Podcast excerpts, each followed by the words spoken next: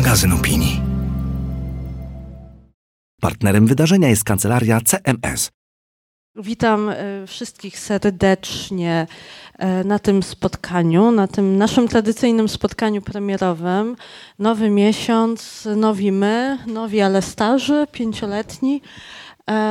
W piątym roku istnienia pisma, numer marcowy i spotkanie pod tytułem Jak się bronić przed cyberprzemocą. O tym będziemy dzisiaj rozmawiać z wspaniałymi gościniami, które zgrały się kolorystycznie, i, ale mam nadzieję, że nie będą tak z okładką naszą oczywiście. E, I nic tutaj nie było sterowane ani inspirowane, ale podświadomie, podświadomie wysłaliśmy chyba takie e, zielone, zielone jak kolor nadziei E, symbole, sygnały, przepływy energetyczne w stronę naszych panelistek. E, bardzo Państwu dziękuję za obecność i za chęć uczestniczenia w tej rozmowie na temat, który nie muszę mówić w tej przestrzeni, ale nie muszę mówić też w przestrzeni naszej, naszej wspólnoty, że jest tematem, który nas wszystkich w bardzo różnym stopniu, ale wszystkich, jak tutaj siedzimy i wszystkich dookoła dotyczy, a o tym, jak dotyczy, na pewno dzisiaj będziemy rozmawiać. To jest dla nas e, wydarzenie szczególne pod bardzo wieloma względami. E, na pewno dlatego, że po raz kolejny tu z nami jesteście, to zawsze jest dla nas ogromne święto, ale też dlatego, że po raz ostatni spotykamy się tutaj, w tej przestrzeni i wcale nie dlatego, że taki temat sobie wybraliśmy, już po prostu e, meta nas tutaj nie chce gościć. Tak, ale y, no, meta się też powoli z miejscem tym żegna i przenosi gdzie indziej. My nie przestajemy y, spotykać się z Państwem premierowo. Za miesiąc kwietniowa premiera się odbędzie w miejscu już nowym, y, żeby podkręcić trochę napięcie, gdzie to będzie, nie zdradzę jeszcze dzisiaj, ale dostaną Państwo zaproszenie, prenumeratorzy i prenumeratorki, dowiecie się o tym jak tylko e, my sami już sobie wszystko potwierdzimy i dopniemy na ostatni guzik. E, ta informacja też będzie na grupie Czytamy Pismo. Jeśli ktoś nie jest jeszcze w tej grupie, to bardzo zachęcam, bo tam różne, nie tylko zdjęcia mojego kota regularnie publikowane, ale też inne równie ważne informacje się pojawiają. Więc dziękujemy tutaj naszym gospodarzom, gospodyniom z Mety za tę gościnę od samego początku naszych premier. Dziwnie będzie spotkać się w innej przestrzeni, ale mam nadzieję, że te rozmowy będziemy kontynuowali, kontynuowały um, równie ciekawej, gościnnej, e, gościnnej lokalizacji. E, partnerem naszych e, premier był, jest i będzie również w innym miejscu CMS, Kancelaria Prawna CMS. I za tę gościnę i partnerstwo również Państwu bardzo dziękuję, też naszym gościom, gościniom z Kancelarii CMS. No i cóż, już przekazuję Justynie mikrofon i bardzo czekam na tę rozmowę i bardzo się cieszę, że to wciąż w Polsce nie jest takie częste, żeby widzieć panelistki same, specjalistki na kanapie i na krześle i z mikrofonem prowadzącej. Bardzo dziękuję i owocnej rozmowy. Drodzy Państwo, redaktorka naczelna pisma Magdalena Kicińska. Wielkie brawa. Nie no, większe, większe, większe. Widać, że Państwo jeszcze są przed. Cudownie. Dobry wieczór. Drodzy Państwo, widzę, że jesteście jeszcze przed tym afterem, który dla Was szykujemy. Zawsze tak to się dzieje, że najpierw e, fundujemy Wam, mam nadzieję, interesującą, ważną i cenną porcję informacji, przemyśleń czy tematów do przemyśleń, a później i tak też jest dziś na tym ostatnim spotkaniu w mecie. Zapraszamy Was na piękne polskie słowo poczęstunek e, i na rozmowy kuluarowe. Ale żeby była, e, była, były baterie do tych rozmów kuluarowych, żeby była materia do rozmowy, to bardzo ważny dzisiejszy temat. Ja się Państwu kłaniam, Justyna Dżbik-Klub Mam ogromną przyjemność prowadzić dla Państwa wszystkie premiery e, pisma. Nie inaczej jest dzisiaj. No i też nie będę ukrywała, że kiedy dostałam od kolegów i koleżanek z pisma maila z informacją, że dzisiaj będą same dziewczyny, no nie było mi przykro z tego powodu. Pomyślałam, że to bardzo fajne, ale patrzę teraz na wszystkich wspaniałych mężczyzn, którzy są dzisiaj z nami. Nie będziecie dyskryminowani absolutnie. To jest jak najbardziej wkluczająca rozmowa, bo pismo zapraszało ekspertki zanim to było modne. Teraz nasi koledzy i koleżanki z różnych e, mediów mają taką akcję, akcje, że promują ekspertki. Pismo promowało i bez akcji, więc my cały czas jesteśmy jakby w tej właśnie konwencji. Kochani, e, dzisiaj ze mną i teraz uśmiechnę się chyba przedstawiając dziewczyny i mówiąc jedno zdanie o nich ostatni raz, bo później raczej będziemy mówić poważnie, bo dzisiaj temat o tym, jak się bronić przed cyberprzemocą, a cyberprzemoc być może jest zdalna czy onlineowa, ale jest bardzo realna i odbija się bardzo realnie na nas w tym codziennym życiu. To są nasze Lary Croft obrony przed cyberprzemocą. Dzisiaj tak sobie o was pomyślałam i to jest ten, takie tajne agentki, słuchajcie. Prawniczka, działaczka społeczna, publicystka, współzałożycielka i prezeska wspaniałej fundacji Panoptykon. Co my byśmy bez nich zrobili? Jakby meta działała bez tego patrzenia im na ręce, haha, przez Panoptykon? E, no, się. No właśnie, kompleksowo oczywiście zajmujecie się problematyką praw człowieka, nowych technologii i jeszcze paroma innymi ważnymi wątkami życia społecznego. Drodzy Państwo, Katarzyna Szymielewicz, wielkie brawa, dobry wieczór. Dobry wieczór, dziękuję. Czekałam na spotkanie z tą dziewczyną, znam ją, czytam jej teksty, jej wywiady z nią, słucham jej podcastów, a nigdy w swoim dwudziestoletnim dziennikarskim życiu nie miałam okazji z nią rozmawiać. Dzisiaj jest ostatnie spotkanie w mecie, ale nasza pierwsza rozmowa. E, twórczyni, prezeska Fundacji Instytutu Cyfrowego Obywatelstwa, medioznawczyni, badaczka, działaczka społeczna, edukatorka higieny cyfrowej, kochani. Jeśli ktoś z Was potrzebuje podpowiedzi, jak Piotrze ten smartfon jednak odłożyć, to z Magdą Bigaj o tym można porozmawiać. Wielkie brawa dla niej. Dobry wieczór. No i wreszcie, jak to mówią anglosasi, last but not least, moja polska wersja ulubiona na końcu, ale nie na ostatku. E, cudowna postać, bez niej nie byłoby tej dyskusji, bo jednak NASK to z kolei jest taka organizacja, instytucja, która chyba od tylu lat, od kiedy ja jestem dziennikarką, zajmuje się właśnie patrzeniem na to, co się dzieje w sieci, zgłaszaniem nieprawidłowości, zgłaszaniem również takich różnych przejawów cyberprzemocy, o których będziemy dzisiaj rozmawiać. NASK, czyli Naukowa i Akademicka Sieć Komputerowa Państwowy Instytut Badawczy. Te nazwy powiem dzisiaj tylko raz. E, kierowniczka zespołu dyżurnet.pl, czyli takiego zespołu, który właśnie reaguje na anonimowe zgłoszenia o nielegalnych i szkodliwych treściach publikowanych w sieci, Martyna Różycka. Dobry wieczór. Dobry wieczór. Sytuacja wygląda tak, drodzy Państwo i drogie Panie, że mogłabym o Was bardzo długo opowiadać, ale to wszystko wyjdzie nam w trakcie tej rozmowy i pozwólcie, że zacznę mówiąc brzydkie wyrazy, ale powiem te brzydkie wyrazy z, z powodów zamierzonych i to będą cytaty. Wyobraźmy sobie, chociaż wszystkie macie mikrofony, super. Y, was zachęcam do zadawania pytań na sali. Tych, którzy nas oglądają, też Was pozdrawiamy. Komentujcie, piszcie, pytajcie. Wiem, że czytelnicy i czytelniczki pisma to są ludzie y, światli, oczytani, kulturalni. Na pewno w sieci zachowują się niehejtersko, tak zakładam.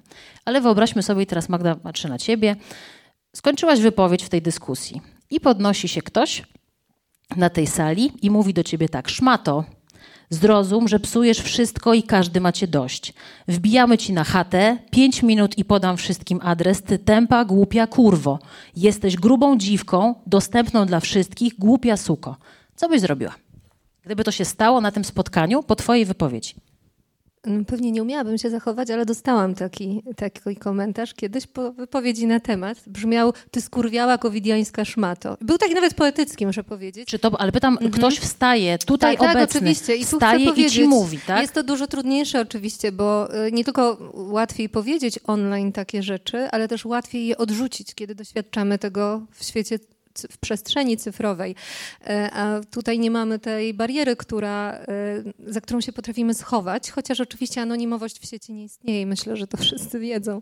E, więc oczywiście nie wiedziałabym, jak się zachować. Poczułabym się zaatakowana i pewnie miałabym jakiś efekt trzech schodków, zanim by mi przyszła do głowy jakaś riposta, no bo byłoby to przemocowe zachowanie. Przestraszyłabym się na pewno. Co to jest efekt trzech schodków, że po trzech schodkach Tak, tak, że dopiero jak się odwrócę, to ja tak mam. To wtedy mam najlepsze riposty i toczę w swojej głowie potem dyskusję Kto tak nie ma? E, Martyna, wyobraź sobie taką sytuację do ciebie. Na tej sali ktoś wstaje i tak do ciebie mówi, dokładnie tymi słowami. Co robisz? Co robimy? Właśnie jak tak mówiłaś i cieszę się, że nie zaczęłaś ode mnie, bo czasami jest tak, że osoba, która jest adresatem tego typu wypowiedzi, e, zastyga. I to jest pytanie do nas, co my zrobimy I tutaj na sali e, byłoby o tyle łatwiej, że mam taką nadzieję, że znaleźliby się. e, te, ci bohaterowie, którzy by powiedzieli: Halo, co to w ogóle? Jedni by się zwrócili w stronę agresora, a drudzy się zwrócili w stronę osoby atakowanej i powiedzieli: To w ogóle głupoty. Co ona w ogóle tutaj? To w ogóle nie do ciebie, to w ogóle jakiś, no nie wiem.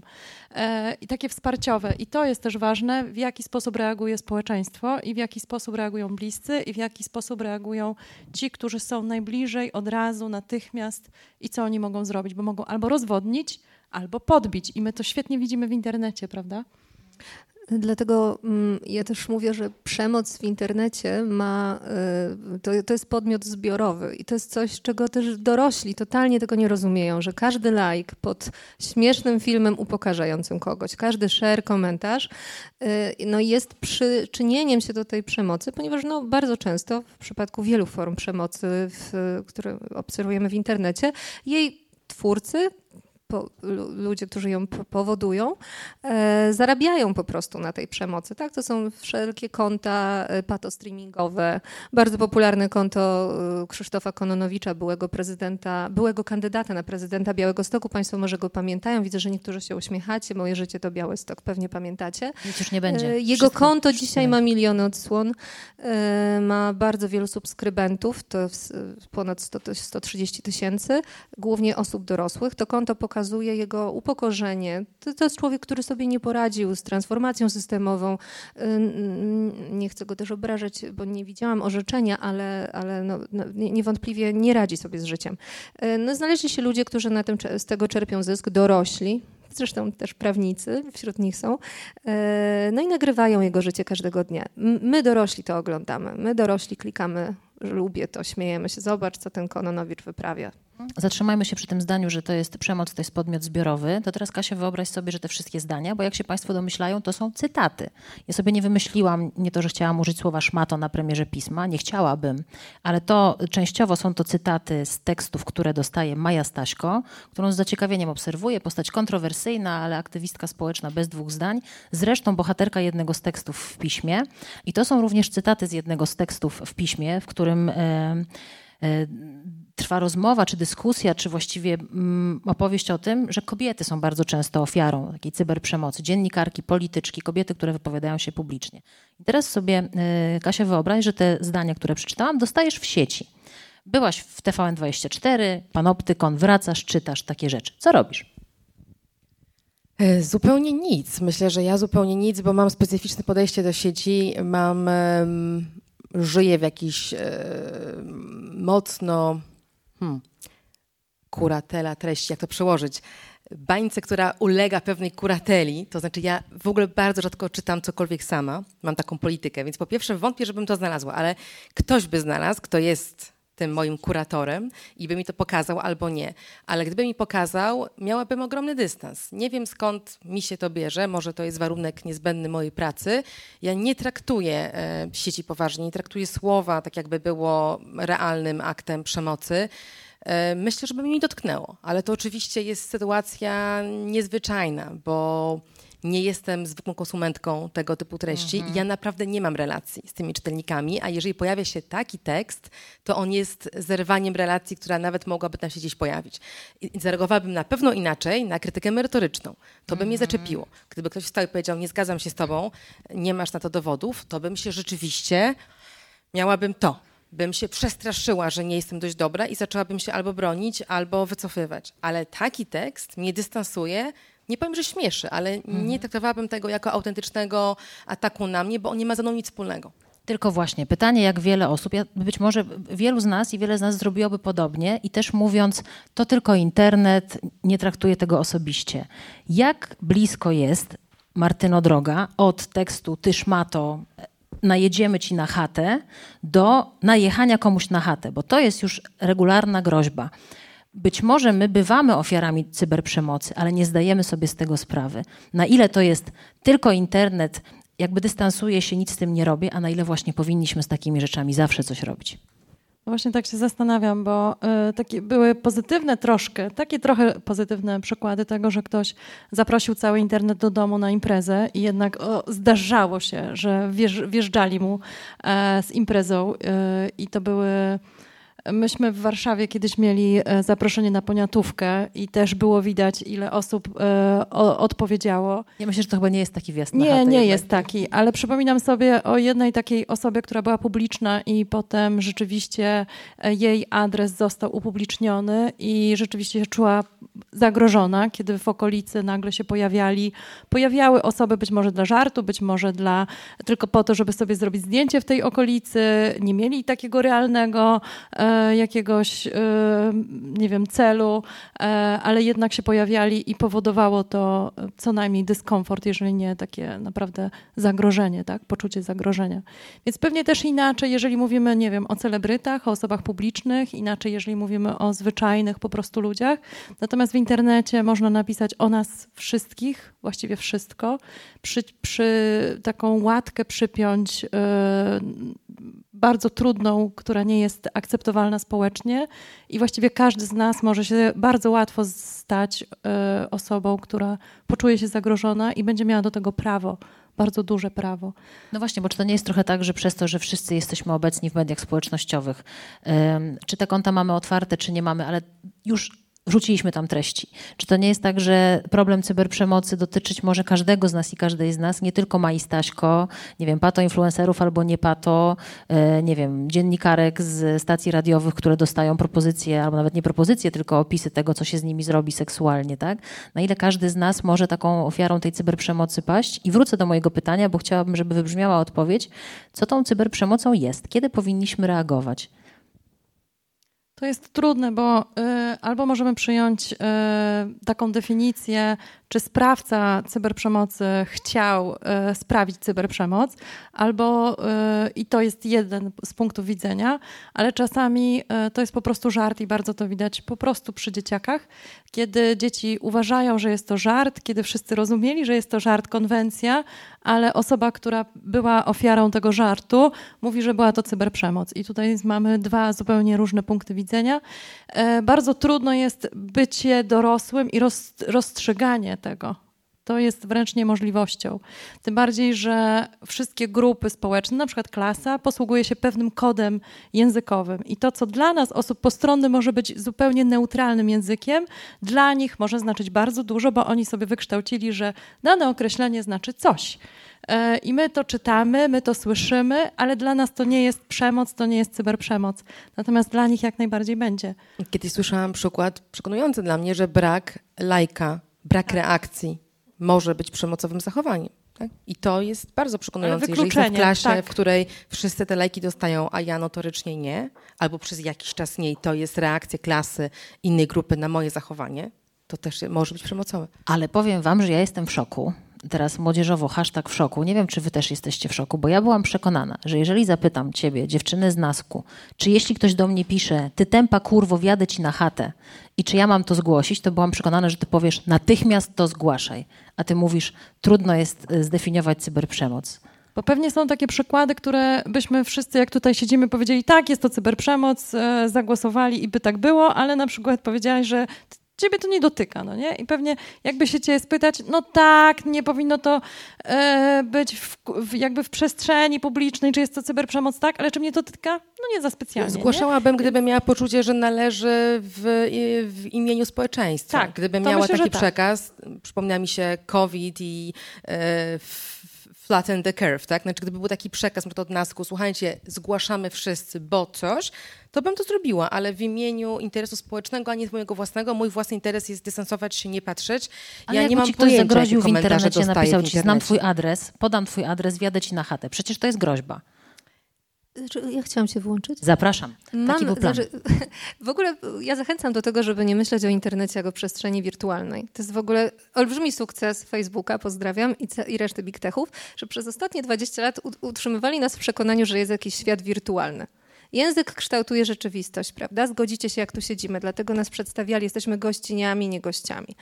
Em, ja zajrzałam do słownika, co znaczy wirtualny. To znaczy, już teraz nie przytoczę wam definicji dokładnie, ale to znaczy taki nie do końca prawdziwy, mogący się wydarzyć, ale niekoniecznie. A z którego roku mu- była definicja? nie muszący, nie pamiętam, ale nie muszący to jest mniejsza o to. Jakby e, do tych, większość naszego życia spędziliśmy w świecie, w którym wirtualny oznaczał coś nie do końca prawdziwego, prawda, nienamacalnego. Dlatego ja zawsze zachęcam, żeby po pierwsze mówić świat cyfrowy, świat online, świat internetu. Wywalmy to słowo wirtualny, które nam się kojarzy z czymś, o czym nie trzeba się tym przejmować. E, I, I, to jest takie utrzymywanie nas w przekonaniu, my się tutaj tylko bawimy. Nie zwracajcie na nas uwagi, to jest jakiś tam internet. E, a co prawda oni tam siedzą w klapkach, ale podjeżdżają Teslą, nie?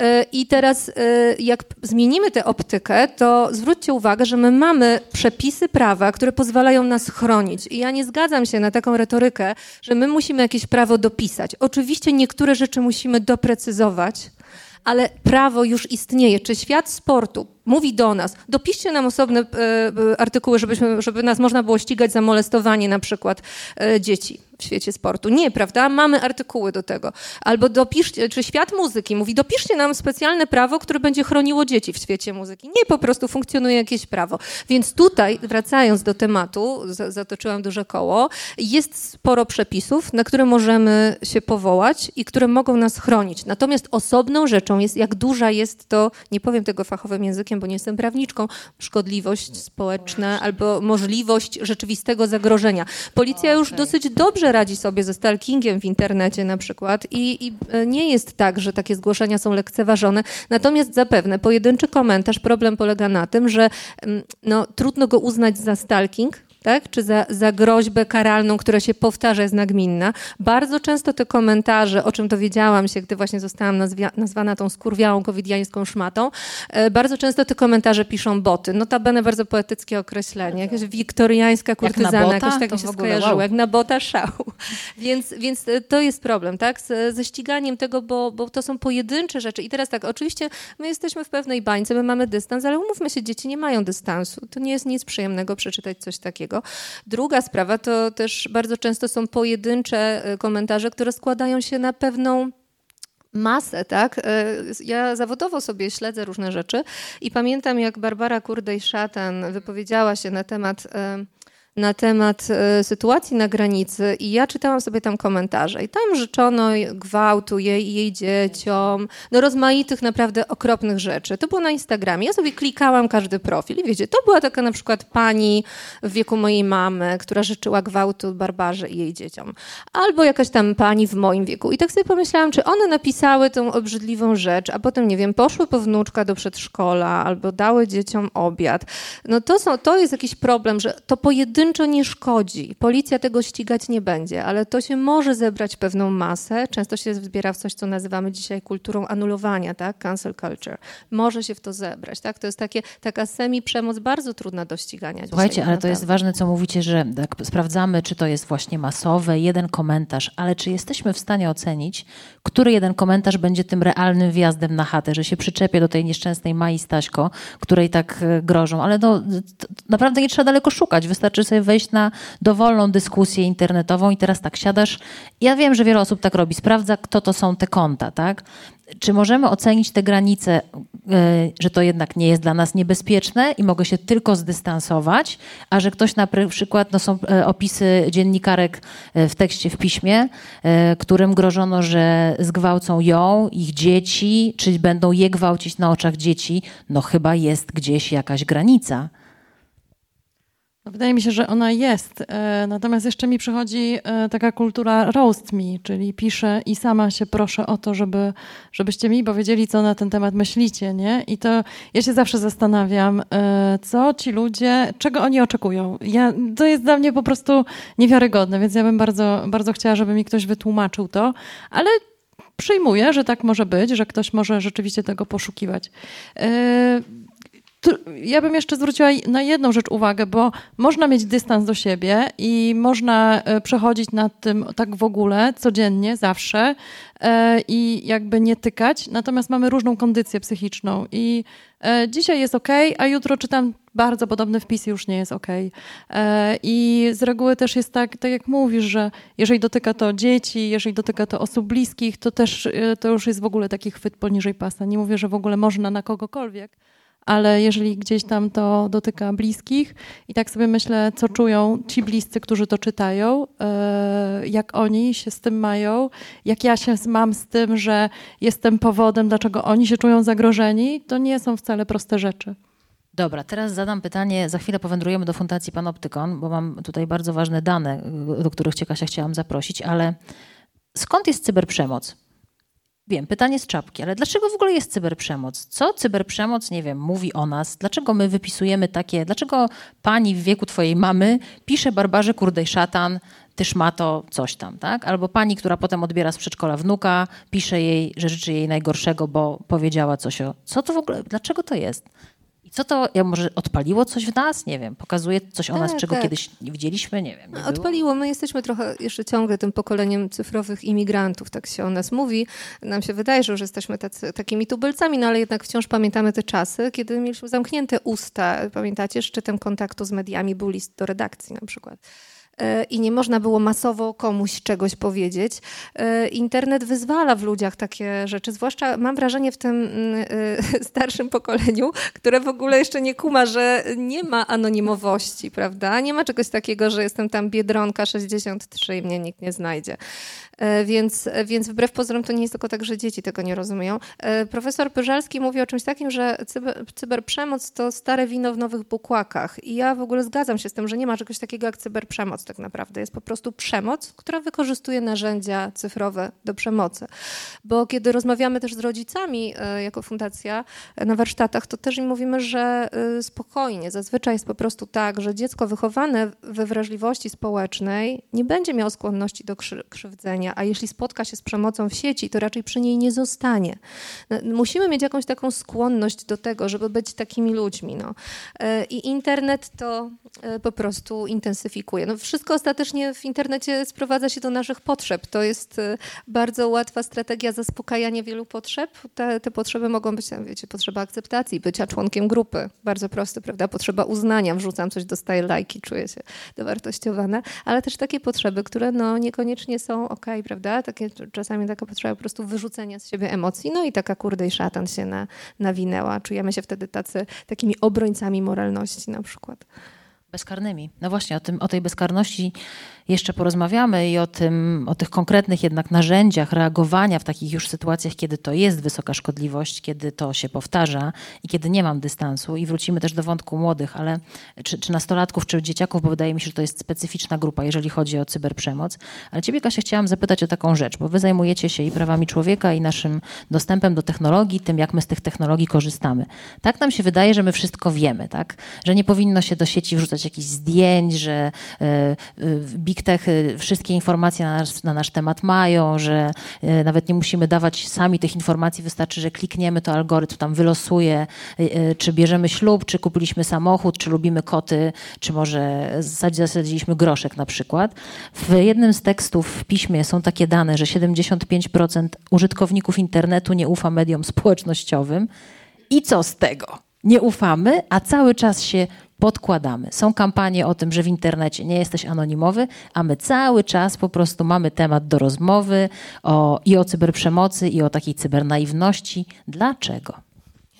Bo jesteśmy ludźmi i mamy potrzeby, o których Magda już tutaj e, zaczęła e, kompetentniej niż ja mówić. Ja nie jestem psycholożką społeczną, a tu chyba kogoś takiego należałoby poprosić o głos, dlaczego my wchodzimy do sieci, czego tam szukamy. Ale od tego się wszystko zaczyna. Człowiek nie wchodzi na Facebooka, bo ma jakąś opinię na temat firmy i nie wchodzi e, w interakcję z technologią. On wchodzi w interakcję z jego otoczeniem społecznym. On szuka stymulacji, informacji, e, relacji z ludźmi, potwierdzenia, e, kim jest, do czego przynależy, czy jest dość dobry, czy jest dość zły. Narzędzie nie jest neutralne. I narzędzie należy winić za pewne efekty. Czyli to, że ja jestem w przestrzeni takiej jak Facebook, najczęściej nie jest moim wyborem, na pewno nieświadomym wyborem i na pewno ten moment, w którym ja wchodzę i coś tam sobie klikam w jakimś regulaminie albo wyobrażam ten rodzaj transakcji, jaki będzie tu się dokonywać, prawie na pewno nie wiem, co się wydarzy. To znaczy, to jest to największe oszustwo, jakiemu wszyscy ulegaliśmy, ulegamy wchodząc do sieci, kiedy ta propaganda, ta narracja, którą też Magda przywołałaś, ona nam wkłada do głowy wirtualne, wkłada nam do głowy zabawę, usługę, wybór, to, że ja będę jakimś userem. Nie mówi, że dostanę dragi. Które mnie uzależnią. To by było adekwatne. Mówi, że no, będziesz sobie używać za darmo, będzie fajnie. No oddasz jakieś dane, ale te, które dasz, prawda? No dasz to zdjęcie tego kota. No przecież chcesz, żeby te, twojego kota inni polajkowali. No nie chcesz? Transakcja, prawda? Ty dajesz kota, my dajemy ci lajki, wszystko jest okej. To jest ogromne oszustwo. To w ogóle tak nie działa. To zaproszenie jest zaproszeniem do kasyna, w którym wygrywa zawsze kasyno, a nasze emocje są paliwem, e, nasza uwaga jest tym, czym realnie płacimy, nasze uzależnienie i inne traumy są skutkiem e, tej, tej, tej ruletki, e, a szczególnie dzieciaki są w tym zupełnie bezradne, ale również dorośli się uzależniają i wchodzą w te różne spirale. Przywołałaś zjawisko roast me e, czy cancel culture. Są, w sieci jest wszystko, w tym świecie sieciowym jest odzwierciedlenie społeczeństwa na sterydach. Są tam miejsca, do których człowiek wydawałoby się nie pójdzie własne, e, z własnej woli, a jednak idzie. I na ten temat ja też kiedyś zrobiłam podcast z psychiatrą i, i psychologiem społecznym w podcaście Panoptykon 4.0, który prowadzę na antenie TOK FM i pytałam właśnie o to, dlaczego ludzie szukają tego cierpienia. On mówi, to jest ciekawy mechanizm. Gdyby było tylko cierpienie, zapewne by odpadali. Ale najczęściej jest ten miks, prawda? Czyli jest ta obietnica, będziesz zaakceptowany, dowiesz się, zastymulujemy cię informacją, będzie się działo, jest, potem jest cierpienie, bo ktoś cię kanceluje albo hejtuje, albo znajdujesz nie to, czego szukałeś, a potem znowu jest obietnica wyjścia z tego. Nasz mózg tak działa. My jesteśmy bezradni jako zwierzęta e, w tym, e, w tym, w tym laboratorium, gdzie testuje się na nas rozmaite interfejsy i nie jest żadną tajemnicą biznesową. Jest absolutnie powiedziane i o tym jest rozmowa na, na, na spotkaniach interesariuszy zupełnie otwarta, że te interfejsy, te y, platformy są projektowane, żeby robić nam krzywdę. To, to, ta transakcja jest kompletnie skośna. To nie Prawda, ja tylko chciałam dać zdjęcie kotka, jaką krzywdę. Ty tak, ale ten, kto Znaczy, dał ci platformę słowa. dla twojego Słuchaj, kotka, e, od powie- początku miał inną intencję. Nie dać ci usługę, ale stworzyć środowisko, w którym będziesz chciała zostać, żeby poczuć się, no właśnie, jak? Wiecie co, to jest w ogóle, e, ja mam taką e, replikę ludzkiego mózgu, z którą chodzę na warsztaty. I od tego, zac- ona jest ale, ale to jest obrzydliwa. używany mózg? Czy E, to Nie, nie, no replika, nie, nie, nie świeci się, słuchaj, pomyśl o tych barierach. Jest paskudna, ale no na żywo pewnie jeszcze gorzej. W każdym razie noszę ją i od tego zaczynam rozmowę. To decyduje o tym, że przywiązujesz się do internetu. Nie to, czy masz y, 8 lat, czy 58, czy jesteś wykształcony, czy nie i tak dalej. Tak? To są mechanizmy, które się odbywają w mózgu na poziomie układu nagrody. Wydziela się dopamina, kiedy robimy coś przyjemnego. Korzystanie jest czymś przyjemnym. Jesteśmy wobec tego dosyć bezbronni. Natomiast no, ja stoję na takim stanowisku, że y, nie zatrzymamy tego postępu i teraz... Utrzymanie równowagi nie polega na tym, żebyśmy teraz mówili, że coś jest neutralne. Dlatego ja jestem przeciwniczką mówienia, że nowe technologie są jak nóż. Długo tak y, No, sama Natalia mówiłam, Hatarska- edukatorzy Natalia tak Hatarska mówili. nas ogląda i zaraz będzie komentować Bardzo hejtersko. Zobaczysz, bo ona tak mówi. przykro. Pozdrawiam. Y, y, No oczywiście Wikipedią nikt sobie krzywdy nie zrobił, tym niemniej y, większość y, produktów, y, platform społecznościowych tworzonych jest tak, żeby pozyskiwać naszą uwagę. Zanim zajęłam się badaniem wpływu nowych technologii na użytkowników, to to psułam, to znaczy przez kilkanaście lat zajmowałam się marketingiem, szłam spać, patrzyłam ile was było w internecie, wstawałam rano, odpalałam Google Analytics i myślałam, czemu znowu byli tak krótko. Y, Więc ja trochę jak święty Paweł się przekonwertowałam, więc wiem o czym mówię. Tam nie ma czegoś takiego, że ktoś ma jakąś refleksję, czy nasi użytkownicy przypadkiem nie ucierpieli na tym, że znowu tam zastaliśmy ich uwagę. Ym, więc, To wy z tym cierpieniem, to miało być tylko zdjęcie kotka, na Boga. Więc o, o tym warto mówić. Natomiast ja jestem zwolenniczką takiego, takiej idei e, cyfrowego obywatelstwa, którą wysunęłam w zeszłym roku, e, zaproponowałam i ona mówi o tym. Ja wyszłam w ogóle z koncepcji obywatelstwa jako takiego, bo pomyślałam, że skoro żyjemy w społeczeństwie informacyjnym, o tym już mówią od, od czasów McLuhana, prawda? E, żyjemy w społeczeństwie informacyjnym, rodzimy się w nim i nie mamy wyjścia. Można co prawda wyjechać w Bieszczady, ale kto zna ten sketch, to wie, jak to się skończyło. E, więc generalnie jakoś musimy w nim funkcjonować. Podobnie jak rodzimy się w danym kraju i nie mamy wpływu na to, że się tu urodziliśmy. Jesteśmy więc obywatelami społeczeństwa informacyjnego. I teraz my musimy sprawić, ro, na rozmaite sposoby, także takimi dyskusjami, żeby obudziła się w nas taka postawa cyfrowego obywatelstwa, czyli świadomość, że jesteśmy podmiotem. W centrum rozwoju nowych technologii musi stać człowiek. To jest taki rodzaj cyfrowego personalizmu. Nie zysk, i rozwój technologii jako taki. Oczywiście ja nie mam złudzeń, bo been there, done that, tak? Po prostu wiem, jak to wygląda. Oczywiście ten zysk jest bardzo ważny, ale musimy oczekiwać społecznej odpowiedzialności firm. I to nie jest mrzonka, dlatego że słuchajcie, biznes y, odzieżowy nie spodziewał się 10 lat temu, że będą się musieli tłumaczyć, gdzie szyją, kim szyją, za ile szyją, tak?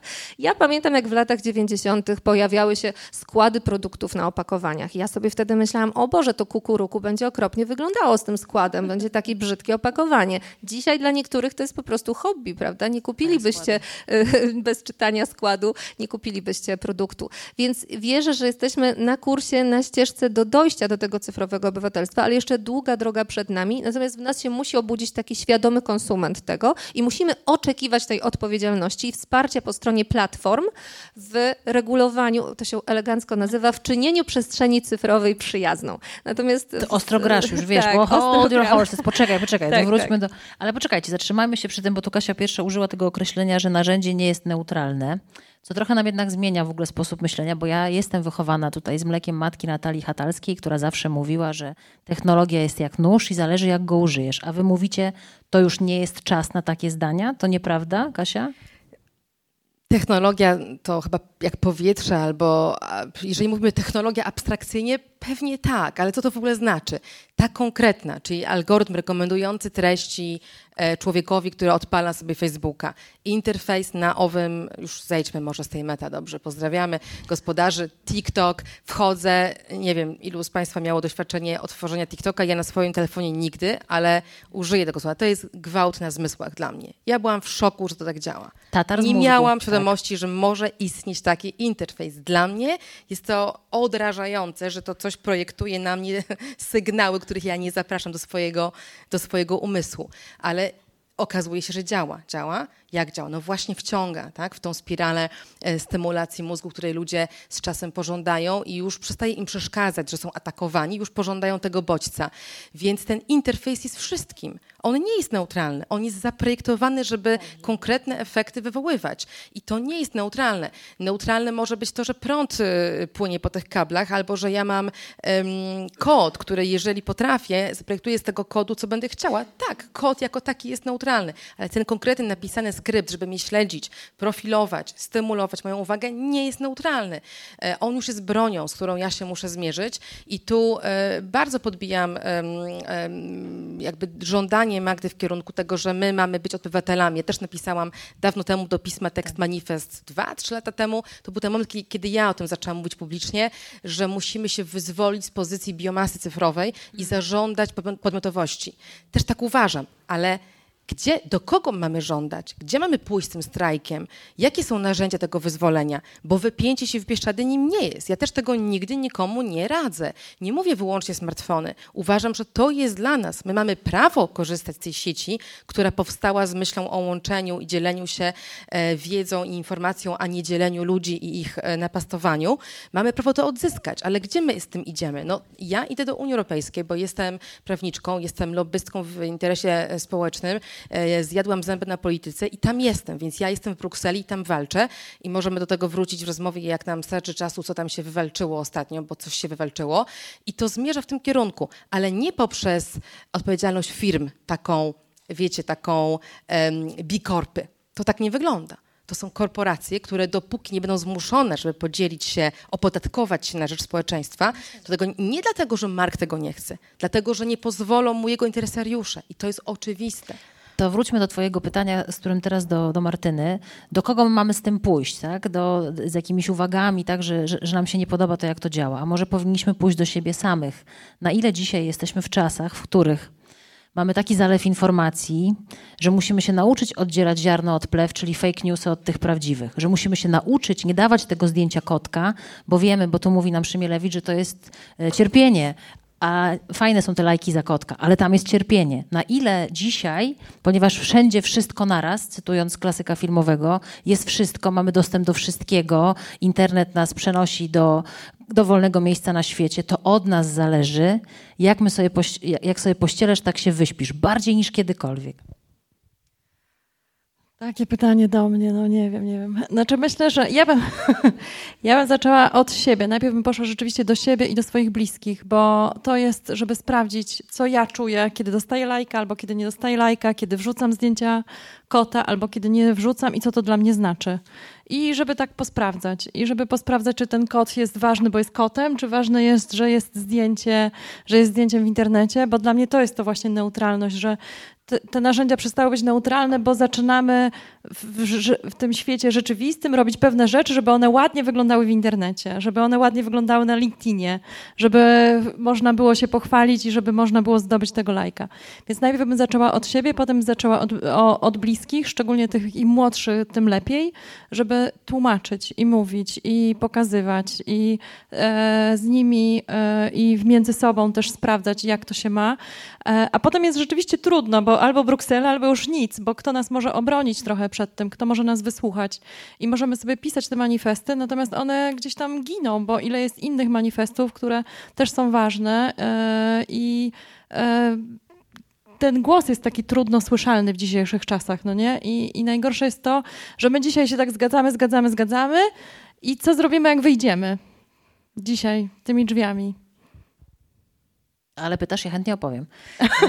To pytanie do Państwa. To, za, to Rozmawiamy ze sobą twarzą twarz. To, to już jest bardzo dobry krok w kierunku. No, co zrobimy na reakcję? Ale to teraz.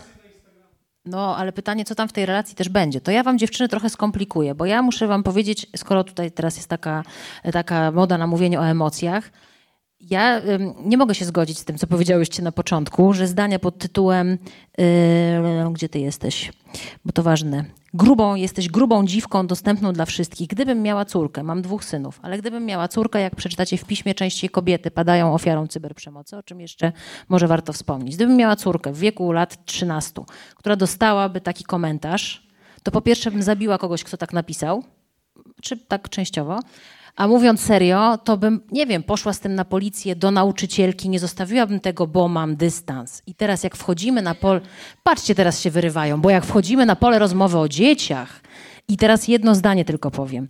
Cyberprzemoc. Dla nas dorosłych możemy się dystansować, pogadać z koleżanką. W Polsce dzieci mają problemy psychiczne, chorują psychicznie, chorują na depresję. Dzisiaj moja znajoma powiedziała, że zabił się syn jej przyjaciela. Dzieci popełniają samobójstwa. Również przez to, jak są szykanowane przez swoich kolegów, również w internecie. I co my z tym zrobimy? No ale czekaj, ja na przykład nie powiedziałam, żeby to lekceważyć. Powiedziałam wręcz, że mamy przepisy, które, na które możemy się powoływać. Z przemocą jest tak, że im szybciej stawiamy jej opór, tym lepiej. Ja tylko powiedziałam, że policja może zlekceważyć jednorazową groźbę, prawda? I, Natomiast i potem dostanie telefon, że dziecko się zabiło. Tak, Ta, dobrze, da. ale dla dziecka jest ważna nasza postawa. To znaczy, że nie mówimy mu, dobra, olej, to nie przejmuj się, to jest tylko internet, tylko pokazujemy, to jest dla mnie ważne, będę cię bronić. E, e, mam wrażenie, że to tak jest w ogóle, jak się rozmawia teraz o kondycji człowieka w kontekście internetu, lata się po temacie, bo wszyscy czują, że jest tak wiele rzeczy do omówienia. I my trochę mówimy o przemocy, trochę o tych emocjach, e, które cierpią nie tylko dlatego, że doświadczają przemocy, tylko na przykład po prostu doświadczają rozmaitych, mają, do, do, poddawane są rozmaitym sytuacjom, które normalnie się nie zdarzały. Na przykład ja mówię wprost dziewczyny, chodzimy, machamy czarnymi parasolkami, a potem idziemy i mówimy, nasze córki to już w ogóle będą żyły w innym świecie, my jesteśmy tymi wnuczkami czarownic. Wracamy do domu, zakładamy ośmiolatce Instagram. Gdzie, I czego ją w ten sposób uczymy? Że ty jesteś tyle warta, ile warty jest twój wizerunek. Ona, znaczy, y, mózg ludzki jest mózgiem zwierzęcia, uczy się przez obserwację. Takie dziecko wchodzi na Instagram, uczy się, co jest społecznie akceptowalne. Akceptowalnie społecznie aktu, aktualnie jest na przykład y, figura Kim Kardashian, prawda? I, I, nawet jeśli my temu dziecku mówimy, piękno jest niewidoczne dla oczu, ludzie się różnią i w ogóle to jest wspaniałe, to jego mózg sobie notuje, to jest y, norma, to jest norma, to jest norma. Potem patrzy w lustro, patrzy na znajomych, to nie jest norma, to nie jest, to nie jest. Więc no, ja bym oddzieliła, bo to jest na, na wiele różnych różnych dyskusji rozmowa, czym i y, oczywiście jest tragiczna sytuacja w psychiatrii dziecięcej. Oczywiście nowe technologie mogą wpływać na obniżenie nastroju, mają związek z depresją, aczkolwiek znowu to na inny spotkanie temat. Od 30 lat się to bada i nie wiadomo, co było pierwsze jajko ale ja czy nie kura. Tak? Magda, poczekaj, poczekaj, bo tutaj tak Więc... wysypałaś teraz z wiaderka, ale tutaj wbrew no. pozorom jest dosyć jasny kierunek rozmowy. Ja nie zapytałam, nie powiedziałam, że przez technologię dzieci sobie robią krzywdę, tylko przez to, że wykorzystują. Mhm. Miałam świetną rozmowę z Januszem Szwertnerem przy okazji premiery jego książki Szramy. Jaki jest problem z dzisiejszymi dziećmi, które cierpią przez technologię? Bo kiedyś na mnie w szkole mówili, że jestem gruba, a dzisiaj nakręciliby filmik, że jestem no, gruba tak. i się pocę na WF-ie i umieściliby go w sieci, obejrzałoby go x tysięcy osób i ja bym się załamała, że tyle osób, mhm. jakby prawo skali. I teraz moje pytanie jest bardzo konkretne, Magda, mhm. bardzo konkretne.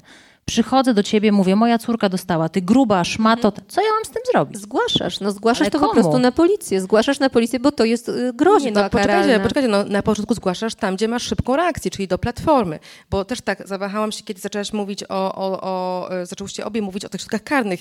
Ja myślałam, że mówimy o zgłoszeniach dyżurnet, zgłoszeniach Meta, zgłoszeniach TikTok.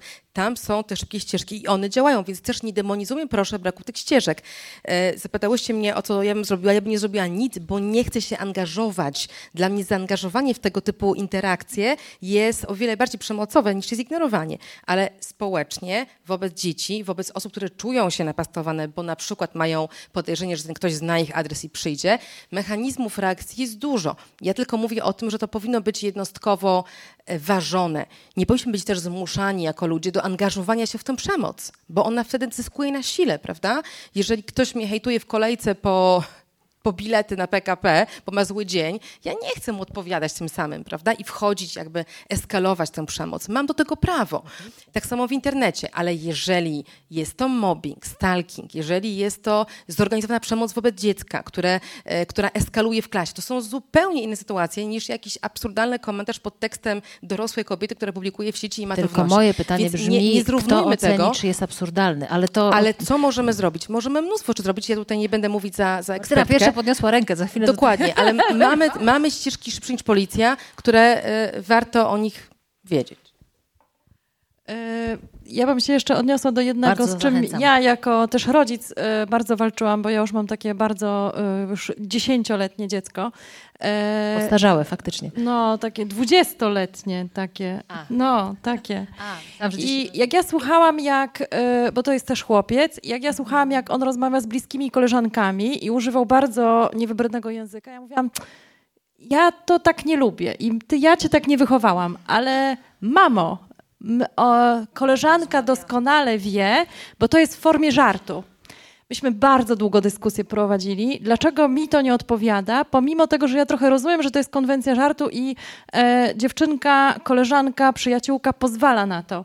I wiecie, co dopiero trafiło do tych dwóch głów, bo oni sobie, wiesz, mama mi powiedziała, że mam tak nie mówić do ciebie. Tam były, wiecie, takie dyskusje w ogóle... W, e, meta. tak, bardzo met, meta dyskusje, jeszcze jak Facebook był Facebookiem. E, natomiast wreszcie do nich trafiło, mówię, wiesz co, e, kiedyś ona usłyszy ty dziwko i szmato i ona musi brać nogi za pas, bo to będzie niebezpieczna sytuacja. A ty, mówiąc to w konwencji żartu, przyzwyczajasz i usypiasz uwagę. I to była jedyna w ogóle, e, kom, jedyny jakiś argument, który do nich trafił. Natomiast w sytuacji, kiedy dziecko albo osoba dorosła trafia na, no właśnie, taki wpis znajduje się pod profilem albo gdzieś, no to najszybszą ścieżką jest administrator i to musimy. E, to musimy absolutnie, właściwie wszystkie e, usługi dzisiaj w sieci mają możliwość zgłaszania. Lepiej, gorzej działa, szybciej, wolniej, różnie działa, natomiast działa, z reguły działa. Szczególnie tam, gdzie jest mowa o dzieciach, to raczej działa. Natomiast jeżeli to jest problem klasowy, to tutaj też można inaczej i ja bym też to pociągnęła, bo często jest tak, że się źle dzieje po prostu w klasie i to, co widzimy w internecie jest ułamkiem tego i wierzchołkiem góry lodowej. I my powinniśmy wejść w relacje w klasie i zobaczyć, co tam się dzieje. Trochę zostawić ten internet, niestety, e, jako takie, no, po prostu wycinek rzeczywistości, natomiast zobaczyć, co, jakie, czy, czy, czy tam jest przyzwolenie na bycie innym, czy jest tam przyzwolenie na e, tolerancję, czy jest tam taka w ogóle jakaś przyjaźń między nimi, bo tego nam trochę brakuje. E, I dużo tych historii takich cyberprzemocowych można załatwić w klasie. Natomiast też nie jest tak, że jak ja widzę wpis, to e, rzeczywiście mamy do czynienia, e, to jest takie czarno-białe, to jest sprawca, to jest ofiara. Dawno się już to skończyło. To, kto krzyczy głośniej, zostałem napastowany w internecie, widzimy po tych klasowych sytuacjach, że niekoniecznie tak jest. Czasami jest tak, że ktoś był miesiącami nękany, sam napisał, a potem e, e, e, ktoś, kto był sprawcą przez miesiące, nagle mówi: Zaraz, zaraz, no przecież ja tutaj jestem ofiarą, nie? Więc e, my odchodzimy trochę od takiego rozsupływania tych historii takich rówieśniczych, trochę odchodzimy od e, rozsupływania ty jesteś zły, ty jesteś dobry, ty sprawca, ty ofiara, bo to nie o to chodzi. Dużą rolę i dlatego o tym też zaczęłam mówić, mają wszyscy ci, którzy są wokół. Bardzo trudno jest stanąć koło ofiary i powiedzieć, no to tutaj nam obojgu pokaż co ty teraz tutaj myślisz, bo po drugiej stronie mamy osiłkę, nawet jeżeli to jest taki psychiczny osiłek, niekoniecznie fizyczny, ale może, y, może powinniśmy uczyć tej reakcji takiej wspierającej po fakcie, może powinniśmy uczyć tego, żebyśmy mieli w ogóle my jako społeczeństwo większą tolerancję. Jak mówiłaś o rodzicach, to y, wiecie, jak rodzice mówią nie wypisuj i, i y, nie mów brzydko, a sami o sąsiedzie to mówią, co mówią i o teściu mówią, co mówią i o politykach mówią to, co mówią, może tutaj powinniśmy odrobić my dorośli lekcje e, właśnie i tolerancji i, i, wypowiadania siebie w ogóle, tak? Bo jasne, mogę się nie zgadzać, tylko niech to będzie dyskusja merytoryczna, a nie po prostu epitety w stronę e, wyglądu. Niech to będzie umiejętność wejścia w dyskusję, a nie po prostu obrażania, na czym świat stoi. I tutaj dużo jest rzeczy do zrobienia, a nie tylko jeden wpis. Natomiast rzeczywiście na, ja bym walczyła z tymi wpisami i te wpisy powinny zniknąć yy, według mnie, bo to jest trochę jak, wiecie, jak, czy, jak te papierki na ulicy. Jak będą papierki na ulicy, to innych rzeczy też nam się nie będzie chciało robić. No nie? Yy, i, i, tak, bym, tak bym tutaj działała. Natomiast gdzieś yy, w internecie jest potrzebny trochę tego dystansu, takiego bycia trochę gruboskórnym, no bo niestety taki trochę mamy świat, żeby potem byle kłótnia w kolejce o bilety, czy coś takiego nas nie wyprowadzała całkiem e, z, w ogóle z takiego dobrostanu, no nie? Bo niestety to jest taka cena bycia w społeczeństwie. Nie mówię, że się na to zgadzam. Nie, nie, nie powiedziałam tego, ale to jest taka trochę cena, nie? Kasiu? Jeśli mogę, to są dwa bardzo ciekawe wątki, ten ostatni szczególnie, czyli co by było, gdybyśmy mogli sobie to wszystko ustawiać tak, jak nam się podoba. Czyli gdybym ja miała takie kontrolki, a do tego trochę zmierza E, obsługa interfejsów, żebym mogła sobie filtrować ten świat, tak żeby mi było miło i wygodnie. Czy hipotetycznie, ja nie wiem, nie jestem, jak podkreślam, osobą z wiedzą psychologiczną, nie wiem, czy w klasie sytuacje przemocowe ten internet, on może je uruchomić, bo wprowadzi coś nowego do gry, czego by nie było bez niego, czy on zawsze jest tym, gdzie się przelewa sytuacja realna, ale zakładając, że żyje, zakładając, żyjemy w tym realnym świecie, dochodzi do jakichś interakcji dla nas niekomfortowych i my uciekamy teraz na przykład do tego świata wymyślonego. Do tego, co wymyśla nam Meta, yy, chociaż chyba jednak nie wymyśli. Nie życzę nam tego wynalazku, no ale dużo się mówi o prawdziwej, wirtualnej rzeczywistości, czyli tak, okulary, rękawiczki, nie ma mnie jedna sytuacja, druga, siedzę na tym forum i mam taki magiczny przycisk, który mi czyści to wszystko. Ja tego nie widzę. Czy to jest sytuacja lepsza? Czy to jest sytuacja, w której my zaczynamy jako społeczeństwo lepiej, czy gorzej funkcjonować? Więc to jedna myśl. Druga myśl e, z Brukseli jest taka, że platformy te największe mają coraz mocniej zaciśnięty kaganiec odpowiedzialności za takie rzeczy. E, jeżeli chodzi o nowe prawo, o które my walczyliśmy, ono e, to było to w ogóle poza kontrowersją, że szybkie reakcje na tego typu treści, sprawna ścieżka zgłaszania w każdym języku, nie tylko po angielsku, e, odpowiednia liczba moderatorów treści wyszkolonych w danej kulturze i tak to jest must have. I te firmy to robią. One to robią, nawet TikTok to robi. Nie mogą tego nie robić. Moim zdaniem to jest poza kontrowersją, więc też nie chciałabym, żebyśmy się jakoś pastwili nad tym problemem, jeżeli chodzi o mechanizmy reakcji, mhm. bo one są. Problem jest w społeczeństwie i w tym, jak my się ustawimy i czy będziemy robić na przykład tak, albo wymazywać to z sieci, udając, że tego nie ma, czy zajrzymy pod powierzchnię, żeby rozwiązywać problemy. Natomiast same platformy mają gdzie indziej za pazurami. One mają w tych algorytmach i interfejsach mają swoją władzę i swoje toksyczne aspekty, a nie w tym, że nie reagują reagują, reagują, muszą reagować, a na treści hardkorowe reagują sprawnie, bo muszą, bo to jest taki baseline i odpowiedzialności prawnej. Magda? Widzisz, że ja się rwę już, prawda? Moje Spokojnie. całe ciało mówi, chcę coś powiedzieć. E, tak, więc chciałam, bo coś konstruktywnego chciałam powiedzieć, bo często jest tak, że po warsztatach do mnie ktoś podchodzi, czy po wykładach i, i chciałby taką po prostu takie czary-mary, y, złotą, Złotą radę. radę. Nie ma czegoś takiego, czary-mary. Co mam zrobić, żeby moje dziecko się odkleiło od smartfona na przykład. Ale w przypadku hejtu y, my, y, to najczęściej rozmawiamy wtedy z młodzieżą, uczymy takiej zasady, po pierwsze nie bądź obojętny, jak widzisz hejt czy jakąś formę przemocy, reaguj i teraz możesz zareagować, zgłosić to administratorom albo zgłosić organom ścigania, bo to, co przytoczyłaś, ja powiedziałam, żeby zgłosić, dlatego że tam są y, groźby dotyczące zdrowia i życia, prawda? I odejdź.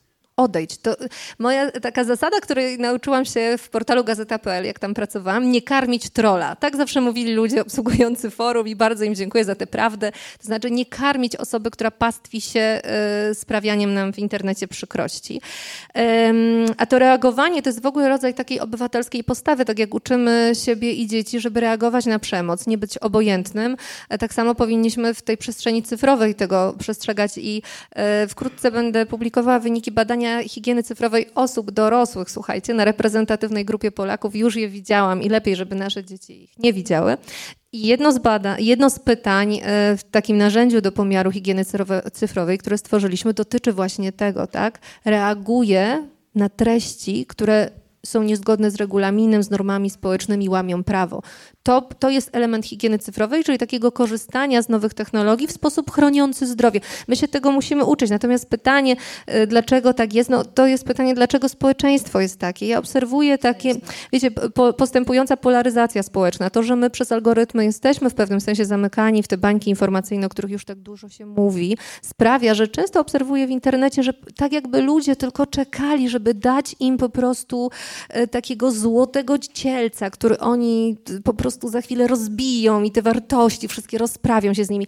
E, I takie inby, jakby powiedzieli młodzi, e, wybuchają co jakiś czas. Ostatnia historia z mamą ginekolog, która jest mi zupełnie obojętna, ale po prostu hejt, jaki się wylał na te kobiety. Zastanawiałam się, ile osób dotarło do źródła, wysłuchało jej wypowiedzi. Ja sobie zadałam te, ten trud. Ona nie była wcale taka jednoznaczna, ale po prostu nagle influencerzy zaczęli dawać jej twarz, ilustrować jej twarzą rozmaite patologie związane z e, ochroną zdrowia. No nie może tak być, tak? My po prostu odpalamy się tak szybko, jakbyśmy jako społeczeństwo czekali, aż ktoś nam się w tym internecie podłoży i my teraz możemy go po prostu tam zbiczować i wyrzucić z siebie te wszystkie emocje, prawda?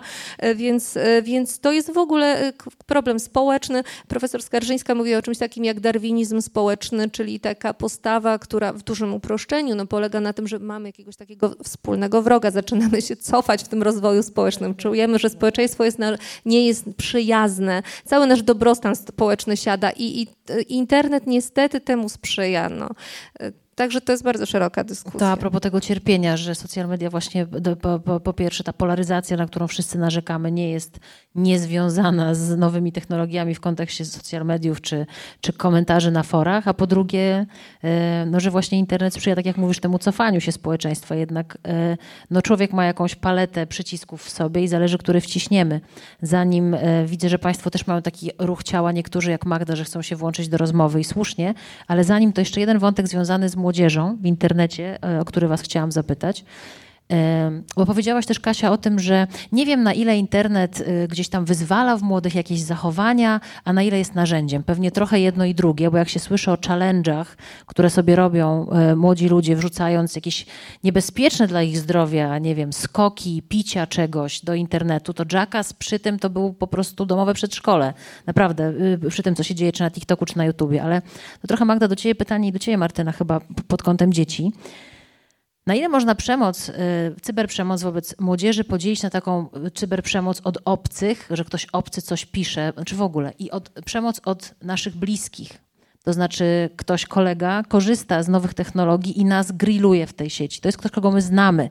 Wobec takiej osoby możemy zareagować inaczej niż wobec kogoś, kto obejrzał nas w sieci, nasze dziecko i napisał cokolwiek, albo na ile te, ten podział jest istotny, również pod kątem zgłaszania na przykład takich przypadków. Szczególnie myślę o młodych, no bo oni mogą być ofiarą czegoś takiego. Zawsze mnie, zawsze mnie zastanawiało, że jak zadajemy dzieciom pytanie, dzieciom, młodzieży, jakie jest największe zagrożenie internetowe, to mówią pornografia. A jeżeli zadamy trochę prawie to samo pytanie, ale czego się najbardziej boisz, to szkalowania w internecie, no nie? I to jest ta, taka duża różnica, więc widać, co my im wkładamy do głowy. Pornografia tam na ciebie czyha. Ale... Kolega z ławki obok, nie? Tak, a... Yy który robi mu krzywdę, robiąc film na jego temat, tak? W, w, w skrócie mówię. No, no mniej więcej tak. Ale y, kiedy oni się najbardziej boją tego, że zostaną wyśmiani, zlekceważeni, y, ktoś przejdzie obojętnie nad tym, co tworzą, y, jest to coś, czego się najbardziej obawiają i pewnie tutaj się obawiają raczej z tego bliskiego otoczenia, no bo co nas interesuje, ktoś, kto jest po drugiej stronie półkuli albo w innym mieście, to jednak tutaj, żebym nie, nie była obojętna wobec moich bliskich, nawet jeżeli ich tak nie do końca lubię, bo to wiecie, jakiś tam w klasie to tak niekoniecznie e, naj, najkochańsi ludzie pod słońcem, ale to raczej tak bym powiedziała, I, ale to też boli bardziej, no nie? Bo, bo to znowu bym powiedziała, że jest to przejaw tego, co się dzieje w ogóle w klasie i przemoc zawsze była w klasie, bo myśmy to pili, tak, tornistry i książki w toalecie.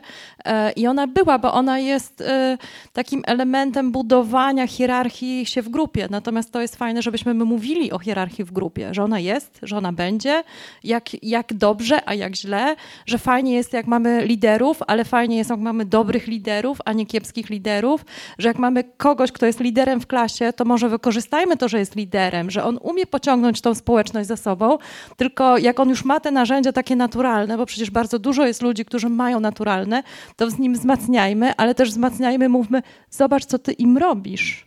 Nie? Zobacz, co to znaczy, że jesteś w stanie ich pociągnąć za sobą i czy ty umiesz ich pociągnąć na przykład do, do dobrych rzeczy, do fajnych rzeczy, do tego, żeby się zaktywizowali, a nie tylko tam gnębili e, najmłodszego czy naj, najmniejszego. No nie? Więc myślę, że tutaj mamy sporo do, e, do zrobienia, natomiast my sami musimy rozumieć te mechanizmy, e, które się po prostu wytwarzają i sami musimy rozumieć, że chcemy to wykorzystać. I to jest właśnie ten aktywizm, o którym bym tutaj e, właśnie bardzo, bardzo walczyła. Magda? Nie, nie tak, pytanie było tak, jak, jak, jak znam Magdę i jak czytam z jej mowy ciała, to adwocem. Nie, nie. Y, zgadzam się z tym, co zostało powiedziane. No, na pewno młodzi najbardziej boją się tej przemocy, która może przyjść z najbliższego środowiska, no bo dzisiaj świadków przemocy jest nieograniczona liczba po prostu, tak? Dawniej doświadczyliśmy jakiegoś upokorzenia, nie wiem, po szkole, gdzieś w parku, kilka osób. Ja się w czwartej klasie biłam z kolegą, bo strasznie mi tam obraził. Kilka osób na to patrzyło i to się rozeszło po kościach. Dzisiaj być może by to latało przez 30 lat w internecie gdzieś, prawda? Śmialiby się z tego Maorysi i tak dalej. To jest problem. Ja w, te, w, książce dla rodziców mojej, która wyjdzie w kwietniu, audycja zawiera lokowanie produktu, e, przytaczam wiele takich historii, które mi rodzice opowiadali o dzieciach, tak? Że dziecko, na przykład historia dziewczynki, która nagle przestała chcieć chodzić do szkoły, rodzice nie wiedzieli, co się dzieje. E, no okazało się, że po prostu ktoś jej zrobił zdjęcie, jak drapie się po nosie, pod, podpisał, że, że drapie się, że dłubie w nosie. Cała szkoła zaczęła się z tego śmiać. No mój Boże, kto tego nie robi, prawda? No ale dla tego dziecka, zobaczcie, było to straszne. I ja zawsze powtarzam w szkołach, e, bo spotykamy się, my mamy taką, taką koncepcję triady edukacyjnej, to znaczy nie działa edukacja skierowana tylko do uczniów. E, trzeba nią objąć uczniów, rodziców i nauczycieli. E, I w ogóle, szczerze mówiąc, wszystkie grupy społeczne, co widzę właśnie po badaniu higieny cyfrowej dorosłych. Ale to, to co mówię, Um, teraz zapomniałam, co mówię. O badaniach mówiłaś, e, tak, tak, tak, triada, tak? E, tak, triada i mówiłam o tym, książka w kwietniu. Tak, dziewczynka, właśnie. Także y, przemoc, przepraszam was bardzo. Przemoc, nie, ja mam troszeczkę ADHD i te myśli mi uciekają strasznie. E, przemoc y, jest jak ospa wietrzna. Kiedy czasami szkoła mnie zaprasza do, y, do siódmej klasy i mówi, tutaj mamy problem z przemocą, to ja wiem, że to jest problem w szkole po prostu, który funkcjonuje, tak? To nie jest tak, że jedna klasa się naoglądała, true story, naoglądała się relacji z wycinania serca na żywo tam przez jakiś jakichś ekstremistów, tylko po prostu po całej szkole to lata, tak? Więc, więc to jest pewna skłonność. Ta dziewczynka, historia tej dziewczynki kończy się tak, że rodzice decydują się, że ona już skończy tę szkołę, bo to jest ósma klasa i ona idzie potem do, do liceum, gdzie idzie i ona wraca do domu i mówi, tato, ja nie myślałam, że w szkole może być tak super, że można się nie bać swoich kolegów Więc zobaczcie, w, w pod jaką presją dzieci dzisiaj żyją. Po prostu świadków tej przemocy jest dużo więcej. No to czyje ciało pokazuje, że chce się wyrwać? Może nie ciało wyrwać, tylko e, raczej słowo do zadania pytania, komentarza. Zachęcam. U nas ani nie przemocowo, ani nie nieprzyjemnie, tylko wprost przeciwnie.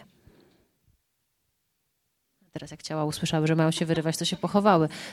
To ja się wyrwę, e, spokojnie, Magda się wyrywa. E, poprosimy tutaj naszą wspaniałą pismową ekipę o dystrybucję sprzętu technicznego, żebyśmy się słyszeli. Ja się wyrwę z dopisaniem do tej listy, e, o której Magda mówiła, takich e, punktów konstruktywnych, odpowiedzi na pytania z, z planszy, jak się bronić przed cyberprzemocą. E, ja raz w roku e, nazywam to dawką przypominającą, chociaż już się właśnie zarzekałam, że już nigdy więcej e, i to jest ostatni raz już chyba z pięć lat temu, ale raz w roku właśnie, żeby sobie przypomnieć, zaszczepić się, biorę udział daje się ponieść. Nie chodzi o karmienie trola, ale wzięcie uwagi w jakiejś E, głównoburzy, która, która się toczy, po to, żeby sobie przypomnieć, dlaczego tego nie robię. A nie robię tego dlatego, że potem dwa dni z życia e, spędzam na komentarzu, komentarzu do komentarza, a tam ktoś odpowiedział, a na Instagramie ktoś jeszcze coś dodał, a tutaj jest riposta na ripostę. I to mi konsumuje bardzo dużo czasu, zasobów emocjonalnych, energetycznych i wtedy sobie przypominam, że tak, no właśnie ja tego nie będę robić, więc wszystkich, którzy mają problem z samokontrolą e, własnej emocjonalności albo publicystycznych zapędów jak ja, namawiam do tego, żeby sobie dali taki limit. Raz w roku można, żeby sobie przypomnieć, dlaczego tego nie robić. I w jakiej głównoburzy wzięłaś udział w 2023? W 23 jeszcze nie, w 22 wzięłam. A w jakiej wziąłeś w 2022, pamiętasz? E, tak, e, grupa, e, tylko nie pamiętam teraz jak się ona nazywa, ale grupa e, migrantów i migrantek z Rosji na e, Paradzie Równości za czy przeciw. Wzięłam udział w tej dyskusji. Trzy dni z życia mi to Taki zabrało. fight club uprawiasz po prostu. Można też iść i użyć feminatywu na przykład. To też dobrze działa, zawsze wywołuje. Ja jak jestem bardzo zła, to idę i gdzieś ciekawe, używam to jest- psycholożka i wtedy Ale to jest trochę czym się strułem, tym się, tym, czym się strułeś, tym się lecz. To odważnie. Gorzej, jeżeli ktoś uzna, że jednak mu się to podoba i zostanie w tych gównoburzach. Tego nie róbcie w domu, ale to y, dobra. Przypominająca. Bardzo dziękuję. Drodzy Państwo, już mamy pierwsze pytanie, a właściwie komentarz za sobą, to już teraz można zadawać kolejne, bo zawsze to pierwsze jest najtrudniejsze, więc jeśli ktoś z Państwa ma ochotę podzielić się na... Proszę bardzo. No i cudownie, nadoliczyłam, wspaniale. Dzień dobry, dobry wieczór. E, Dzień dobry, dobry wieczór. E, Ja po pierwsze chciałabym tak zaapelować, używajmy feminatywów, absolutnie tak. E, Po drugie chciałabym taki mały komentarz, oczywiście później będzie pytanie. E, Mały komentarz, tak, będzie pytanie. E, Znaczy, kategoria później to jest szeroka kategoria. Ja już czasowa też ja- taka względna, prawda? Już zwięźle krótko, e, z tego powodu, że jestem tutaj związana akurat z sektorem IT. Ja chciałam taką ciekawostkę tutaj przekazać e, Państwu, mm, że mamy takie coś jak HCI, czyli to jest Human e, Computer Interaction. E, To jest taka nauka, która e, w tak skrócie, żeby ogólnikowo tak tutaj przedstawić zwięźle, chodzi o to, jak e, tutaj za, zbudować interfejs w taki sposób, aby użytkownik, użytkowniczka maksymalnie mi, zminimalizował zużycie energii i aby jak najdłużej pozostał na tej stronie czy na danej aplikacji mobilnej. I HCI w pierwszym, pierwszy raz, kiedy zostało zużyte, użyte jako słowo, to już było w 1975 roku. Więc to nie jest nic nowego. Jest to jest taka, taka mała dygresja, a teraz do pytania. Z tego powodu, że e, codziennie zajmuję się działaniami rzeczniczymi, mam pytanie do pani Katarzyny. Ja wiem, że to jest dosyć szerokie pytanie, to pewnie powinna być osobna dyskusja na ten temat, ale gdyby pani mogła przedstawić jedno, maksymalnie dwie zmiany takie rzecznicze, prawne zakresie zwiększenia bezpieczeństwa takich naszych big techów, czyli Facebook i Instagram, to jakie zmiany systemowe na poziomie Unii Europejskiej chciałaby pani wprowadzić? Już? Od razu? Ja mam odpowiedź, ale tak, to jest e, dyskusja na, na być może na dłuższy czas, ale bardzo, bardzo zwięźle mm, mam odpowiedź, ponieważ ostatnie trzy lata spędziliśmy walcząc o takie zmiany. Ta cała batalia jest do wyszukania w sieci pod hasłem DSA, Digital Services Act e, i na stronie panoptykon.org e, możecie Państwo poczytać dokładnie o co nam chodziło, o co walczyliśmy, co się udało, co się nie udało, ale bardzo to skracając, uważam, że otwarcie mm, tych algorytmicznych maszyn, stworzenie ich interoperacyjnymi, otwartymi, wiem, żargon trudne, nie umiem tego teraz lepiej wyjaśnić, po to, żeby wyzwolić nas z władzy złego interfejsu i z władzy algorytmu, który nas stymuluje w sposób, którego sobie nie życzymy, byłoby największą zmianą. Bo tak długo, jak, my, jak jesteśmy skazani na konkretny algorytm albo interfejs konkretnej platformy, to my możemy tam pukać do niej i ją e, bodźcować rozmaitymi zgłoszeniami, a również legislacyjnie możemy ją przymuszać, ale to zawsze będzie no, rodzaj niewolnictwa, tak? rodzaj feudalnego uwikłania na platformie. A technologicznie na pewno, jak pani wie, to nie jest żaden rocket science, żeby to zmienić. To jest polityczna, ekonomiczna e, sprawa do przewalczenia, więc radykalna interoperacyjność byłaby tą zmianą. No i chyba radykalny zakaz e, praktyk manipulacyjnych, tak jak radykalnie zakazujemy trucia ludzi jedzeniem e, czy, czy, czy, czy trucia środowiska. Oczywiście to nie działa, tak? To nadal nie działa, ale jest jakiś punkt wyjścia do walki z tym. A w internecie ten radykalny zakaz praktyk, które nas nadużywają jeszcze nie wystąpił w takiej formie, w tak mocnej formie, o jaką my walczyliśmy. Dzięki i za pytanie i za odpowiedź. I tu pan się też zgłaszał. Chyba, że to pytanie chciał pan zadać dokładnie, które padło. Nie? Tak domyślam się, że...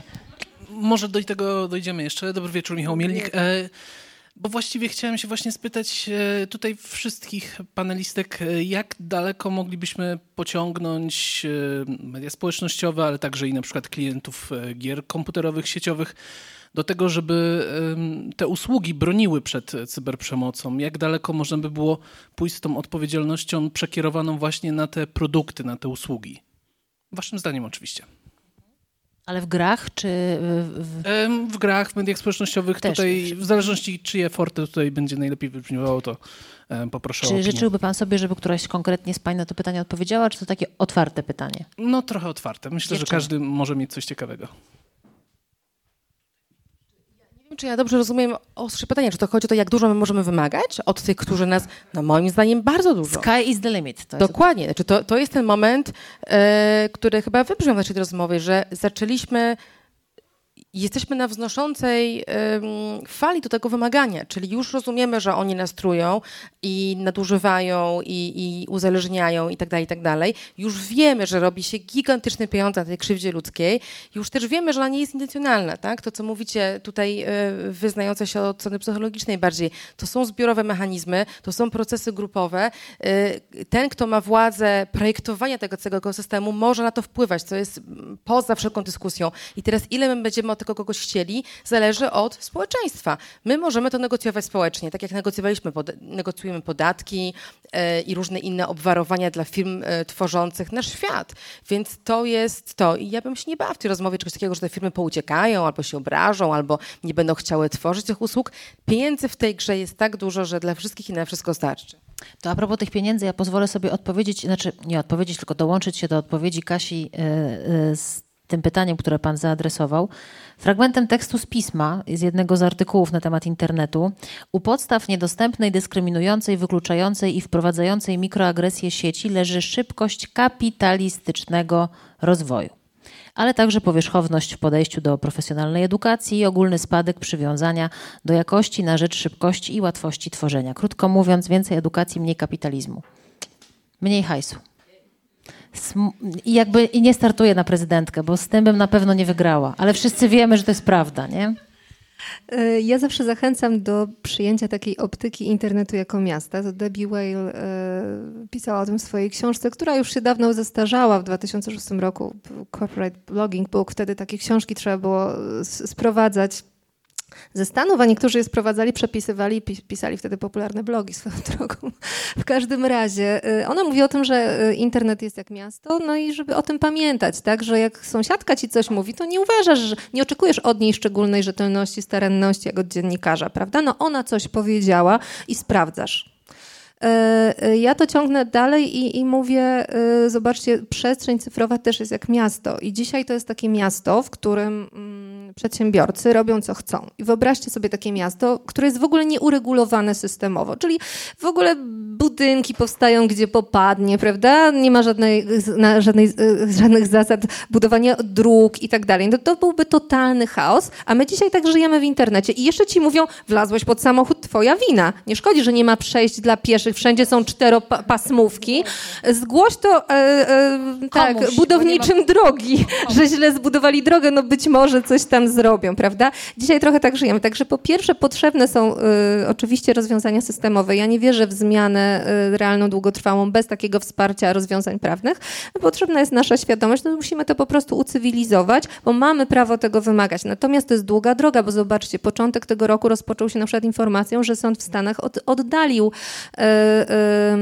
y, pozew rodziców dziewczynki, która zmarła w wyniku wzięcia udziału w Blackout Challenge. To jest takie wyzwanie na TikToku polegające na tym, że podduszasz się do utraty przytomności i nagrywasz to. Aktualnie już wiemy tam o kilkunastu ofiarach na świecie, najmłodsza 8 lat, najstarsza 14.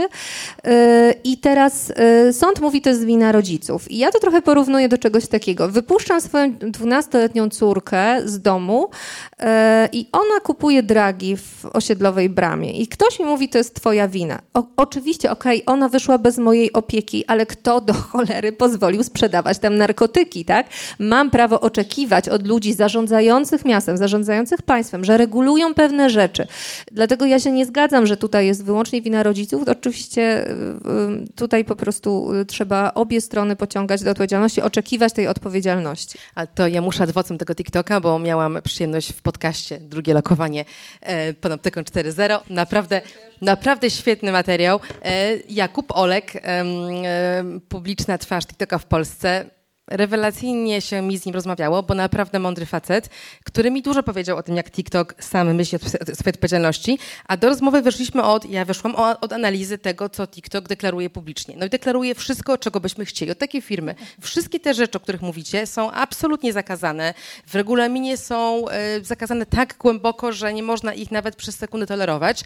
I ja nawet wierzę, że oni próbują. Tylko kiedy masz miasto, E, gargantuicznych rozmiarów, który się rozrasta poza twoją kontrolą, no to bardzo trudno ci wyłapać tego dealera z każdej bramy. Więc oni też mają problem e, rozrostu i rozmiaru, moderacji w językach, moderacji w różnych niszach, których nie widzą, ale na poziomie wartości i deklarowanych, i realizowanych, ta firma próbuje coś z tym zrobić. Więc ona też zajmuje swoje stanowisko w tej, w tej rozmowie aktywnie. Co więcej, teraz pod kątem, e, dzięki nowemu prawu przychodzącemu z Brukseli, które również ich dotyka, będą mieli jeszcze trudniej, będą musieli reagować jeszcze sprawniej będą musieli więcej, będą musieli robić publiczne oceny ryzyka, które powodują ich interfejs i algorytmy i takie ryzyka, które tutaj e, opisa, opisałaś Magda, że, że, że no ktoś sobie e, niechcący odbiera życie, no to już jest e, grubo, prawda? I będą musieli zaadresować to ryzyko. Więc rozmawiając z Jakubem miałam poczucie, że znowu to nie jest tak, że ktoś nie chce reagować. To nie jest tak, że jest kontrowersja, że to jest złe. Wszyscy wiedzą, że jest złe. Wszyscy napisali, zrobili ile się dało, żeby to zło wykorzeniać, ale żyjemy w realnym świecie trudnym, tak? On nam się wymyka, tak jak nadal się zabijamy czy, czy potykamy na ulicy, więc to też nie jest takie czarno-białe, że oni dla pieniędzy puszczą wszystko, sami wiedzą, gdzie ta granica jest, sami ją czują, ale praktycznie to wraca również do nas. No choć może, ja pamiętam w mediach jest takie powiedzenie, że rozliczamy wynikowo. To, że próbowałaś nagrać kogoś, to nie nagrałaś go, tak? Więc oni może próbują, ale może próbują za słabo. To też jakby pewnie, że od siebie oczekujmy, tak? Ale może gdyby tam, powiedziałaś o tym ciekawie, że moderacja, więcej moderatorów, może więcej pieniędzy na moderatorów, więcej tam sypnąć na ten aspekt. Ale to tylko, tam się podniosła ręka. Ja bym, jeszcze druga się podniosła w międzyczasie, rety. To, to nie wiem, kto tam ma mikrofon. To ja pierwsza chyba. E, no, kto ma mikrofon, ten mówi, rety. E, okay, Jak w polskim Sejmie. Ja chciałabym um, powiedzieć, że dużo mówicie tutaj panie o um, młodzieży, o ochronie młodzieży, natomiast dla mnie e, ważnym aspektem jest również e, ochrona, czy jakby edukacja seniorów w, tym, w, te, w tej kwestii, z tego względu, że no, oni jakoś tam są szczególnie narażeni, tak mi się wydaje. Jakby dużo mówi się również o tak zwanej analfabetyzacji cyfrowej, w związku z czym aktywizuje się seniorów po to, żeby, żeby, żeby jednak uczestniczyli w internecie, a zagrożenia jakby mm, filmiki wiralowe na przykład, które mogą się stawać wiralowymi bardzo szybko pod kątem e, tego, że automatycznie robią się na przykład filmiki czy treści. No jakby trochę nie ma jak edukować tych seniorów, więc jakby ja akurat też mam dosyć anegdotyczny, z bliskim mi przykład. Mój dziadek miał Facebooka, E, no i tam, słuchajcie, publikował sobie, e, zebrał jakąś rzeszę w ogóle fanów czy, czy, czy obserwatorów, którzy e, kilka tysięcy osób komentowało jego posty. E, I, e, I on się dosyć angażował politycznie, w związku z tym no w pewnym momencie e, to troszeczkę poleciało. Poleciało do tego stopnia, że zaczął dostawać groźby i faktycznie to, to, no, on się nie przyznał. Przyznał się dopiero w momencie, kiedy usunął tego Facebooka, bo po prostu pod presją nie zdołał utrzymać tej, jakby nie, nie poradził sobie z tym hejtem. W związku z tym no, tutaj w sumie pytanie, jak można byłoby tych seniorów edukować. Mhm. Dzięki. Łapiemy to pytanie od pani, potem jeszcze na zakończenie od pana i płyniemy do brzegu. Bardzo proszę o seniorów, ależ nie, dzielimy się. Ja tak Magda? mikrofonu. E, ja widzę w badaniach, e, że seniorzy e, troszkę gorzej sobie radzą. Mm, natomiast no, nie ma prostej odpowiedzi, po prostu musimy prowadzić edukację społeczną. Tak, zobaczcie, dzisiaj, chociaż nikt z nas nie przechodził jakichś fakultetów y, z dietetyki, wiemy, że nie możemy obżerać się cały dzień słodyczami, prawda? Że, że no, co z tym robimy, to jest inna sprawa, ale, wiemy mniej więcej, prawda? Mówimy dzieciom, nie, nie dostaniesz tam kanapki z masłem czekoladowym na kolację, y, chyba, że chcemy, żeby były spokojne. Ale y, to, skąd to wiemy? To przeszło do nas przez osmozę jakoś, prawda? Nikt, nie, nie, kończyliśmy studiów z dietetyki. Ktoś nam o tym mówił, rozmawiał się o tym w domu, y, y, słyszeliśmy w telewizji, gdzieś czytaliśmy w gazecie. Musimy osiągnąć ten poziom nasycenia społecznego y, wiedzą na temat tego, czym jest higiena cyfrowa, czyli w jaki sposób bezpiecznie używać tych urządzeń. Po prostu musimy o tym dużo rozmawiać, żeby się tego nauczyć i prowadzić działania skierowane do seniorów. Absolutnie się zgadzam. To dzisiaj są osoby, które y, fascynują się tym światem, bo on pozwala, on im daje często, czasami jest jedyny jedyną dostępną formą e, wsparcia społecznego, daje im kontakt z bliskimi, e, e, przeciwdziała temu poczuciu samotności i wykluczenia, na które wielu seniorów jest skazywanych. Więc no, ja jestem otwarta, zapraszam wszystkie instytucje, które kierują działania do seniorów, bo jesteśmy gotowi też na podejmowanie takich inicjatyw jak najbardziej. Dostajecie w nasku takie zgłoszenia jakieś senioralne szczególnie, Martyna, czy niekoniecznie? Jakby nie pytamy o wiek, pomagamy. Nie, to ale świetne tak hasło, pomyśl... NASK, nie pytamy o wiek. To e, nie, jeżeli tak... wykorzystacie to w kampanii, będę pamiętała, że to padło na premierze pisma. Natomiast e, tak sobie pomyślałam, że tam, bo jedna rzecz to jest taki i wizerunek w sieci i to, gdzie emocje i tak dalej, ale też widzimy duże zagrożenia, jeżeli chodzi o pieniądze i to, jak w ogóle dorośli dość nonszalancko podchodzą do zakupów, do swojej bankowości internetowej, do przekazywania haseł. Więc nam już się wydaje, że wiecie, ile można zrobić kampanii o dobrym haśle, a potem się okazuje, że można i można i można. I, i to jest takie bardzo, bardzo problematyczne. Yy, I to nasze lenistwo trochę czasami wygrywa, no nie? Że niby wiemy, ale tak właściwie to co tam za problem mieć to samo hasło, albo y, coś tam sobie zszerować, albo współdzielić, albo przekazać, albo nie dopilnować, albo nie zaktualizować, nie zaktualizować, nie zaktualizować. No nie, więc to są też takie rzeczy, które gdzieś tam może jak przez osmozę, ale y, one znaczy ja, też dyżurnet jest takim szczególnym miejscem, bo my mówimy tylko i wyłącznie o zagrożeniach. My w dyżurnecie widzimy same straszne rzeczy, my widzimy cały bezsens tego świata e, i tak nam się wydaje, wiecie, że też bardzo trudno jest wyjść z pozytywnym takim e, jakimś komunikatem, mówiąc o tym, że internet ułatwia, internet ogólnie jest super, technologie są super e, i w ogóle możemy tyle rzeczy zrobić za ich pomocą, natomiast my czasami tak siedzimy i tak, wiecie, w katatonie trochę wpadamy, jak bardzo jest E, źle e, w ogóle na świecie. Natomiast ja w ogóle wzięłam e, mikrofon, żeby odpowiedzieć na to pierwsze pytanie, bo ono było do wszystkich w ogóle, ale nie zdążyłam. Ale tak cały czas mi kołacze w głowie, że właściwie nie ma oprócz dużych platform, oprócz platform, nie wiadomo właściwie, ile my jako użytkownicy generujemy na przykład zgłoszeń do nich, bo nikt tego nie jest w stanie policzyć. Jeżeli oni nam tego nie pokażą i nie pokażą nam na przykład, czego one dotyczą, co oni z tym zrobili, dlaczego to zrobili, a dlaczego czegoś nie zrobili, to tutaj ta otwartość, o której Kasia mówiłaś, to ja bym bardzo tutaj podbijała, bo tylko to nam daje potem e, taki prawdziwy obraz rzeczywistości, bo my siedząc w tych bańkach, no to co z tego, że u mnie na fejsie tego nie ma, jak u kogoś innego to jest, no nie? I, i to jest takie Mamy na to przepis. Już niedługo będą te raporty bardzo szczegółowe i będzie mi do nich dostęp jako badacze. Będzie tyle dobrych zmian. O nich w kolejnym Jedna odcinku. nam wystarczy. Hej, hej, naprawdę. Bardzo proszę, jeszcze jedno pytanie od pana. To się rymuje To, dobra e, zmiana. Daniel. Petryczkiewicz, e, dzięki w ogóle za to spotkanie, e, naprawdę super.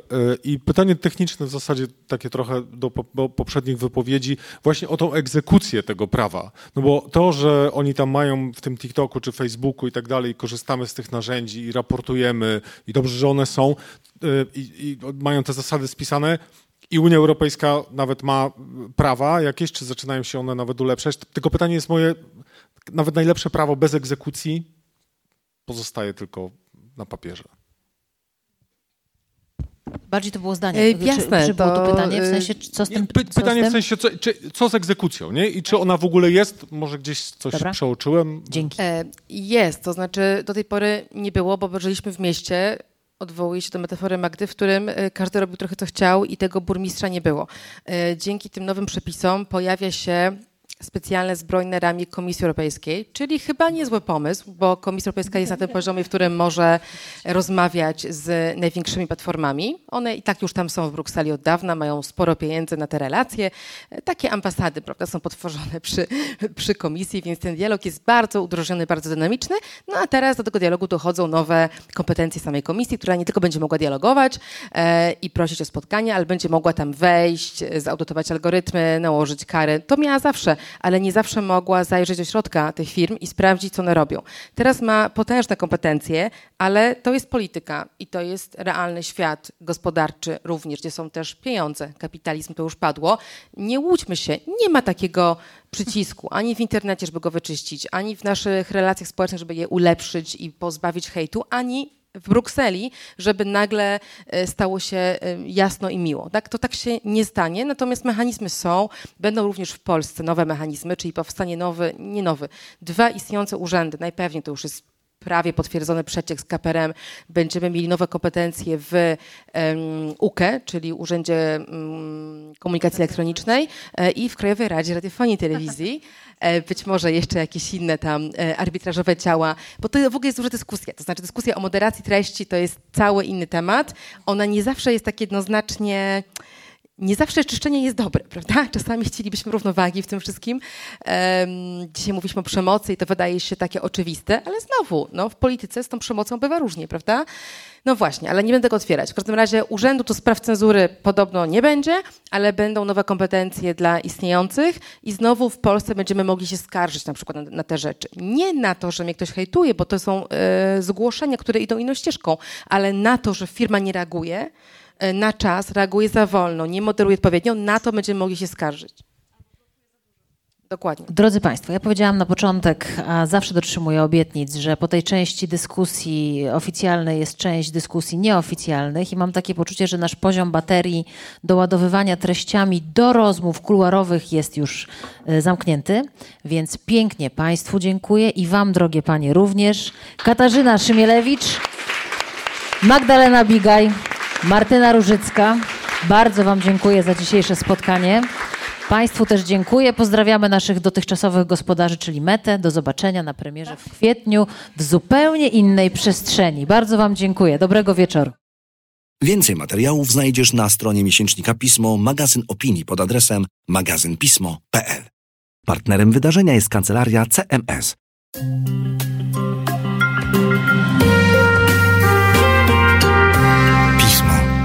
Magazyn opinii.